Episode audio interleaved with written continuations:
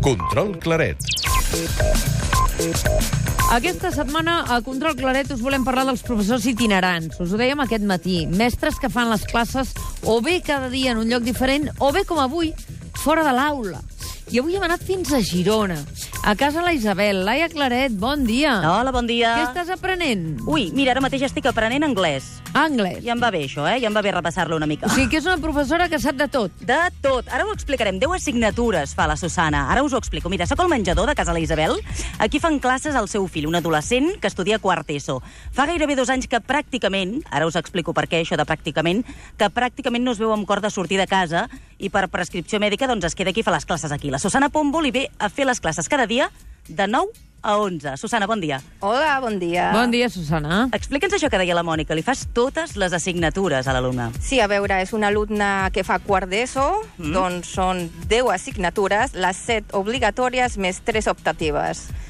Jo tinc un perfil que s'adapta a aquest tipus de situació i, a més a més, disposo del temps perquè només feia un terç de un la terç jornada. de jornada, no? Sí. Per tant, per horari també t'anava bé venir Exacte. aquí. I com et prepares? A tu et diuen, has d'anar a casa d'un alumne a fer totes les assignatures. Què fas tu? Doncs llavors parlo amb la coordinadora de quart d'ESO, ella m'explica una mica el que he de fer, és sí. a dir, de cada departament hi ha un, una programació a partir d'aquesta programació jo la miro, sé amb el llibre el que he d'explicar, preparo a casa les coses, les I com ho activitats... prepares a casa? Em deies, miro tutorials. Sí, normalment, si són coses que ja fa una estona o molts d'anys que no faig, doncs he de repassar, clar que sí. Doncs, eh, afortunadament, eh, tenim internet, em poso a casa, mirem tutorials, ja siguin de matemàtiques o de castellà o del que sigui. I em deies, tinc un fill que fa tercer d'ESO que també m'ajuda, no? Exacte, si jo tinc algun dubte d'algun tema en particular i què activitat, quina, quin tipus d'activitat seria més adient en, en, amb aquest nen, i sí, sí, demano sempre, jo sempre demano ajuda. Em deies, potser el català em costa una mica perquè la Susana és de Madrid, sí. que parla aquest català perfectament, Sí, sí, i llavors sí, sí, parles sí. amb el teu fill, no? I li dius, podem Sí, tirar per aquí exacte, o podem tirar per allà. exacte, exacte. Veig com treballeu ara mateix sobre la taula i veig un ordinador i el llibre d'anglès. Com treballeu amb l'alumne aquí a casa, fora de l'aula? Nosaltres treballem tres dies a casa i el que fem és, jo reparto les assignatures, avui tocava anglès, doncs ens posem amb el workbook, que és el llibre d'activitats, el llibre de teoria, fem una mica d'explicació del tema que toqui, a continuació fem exercicis, com que tingui l'ordinador, també en fem alguna mena de, de vídeo que escoltem un fragment en anglès d'algun tipus Sí.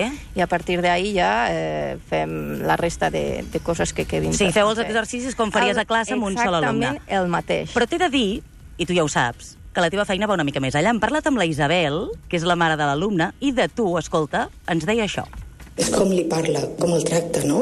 A mi m'agrada, m'agrada molt. És, és com és ella, com parla, com, com, li, sí, com li diu les coses, com li explica, és això.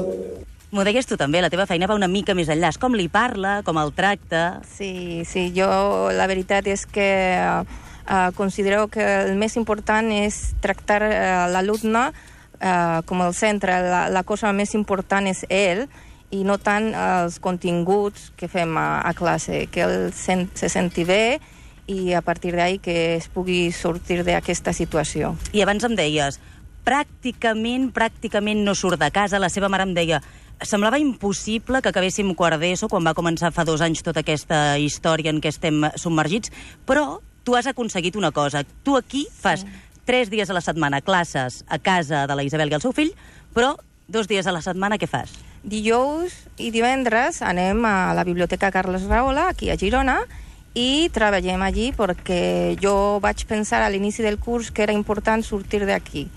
Sortir de casa perquè... Per ell, també, sí, no? Sí, sobretot per ell. Que vegi que hi ha més coses, que hi ha gent com el jove que va a la biblioteca, treballa, estudia allí i que ell pot fer-ho sense cap problema. Està acabant quart d'ESO, per tant, clar, a tu et paga el departament, ensenyament obligatori fins a quart d'ESO, què passa l'any que ve? A veure, a partir d'aquí nosaltres proposem un itinerari eh, acadèmic, eh, les sortides, eh, sobretot a nivell de preferències que el tingui. Sí? L'ajudeu una mica, l'assessoreu a veure cap on pot tirar, no? Que li agrada molt la Exacte. informàtica, em comentaves. Exacte, doncs a partir d'ahí ja sabem que existen cicles formatius i ell té l'opció d'estudiar aquí a Girona.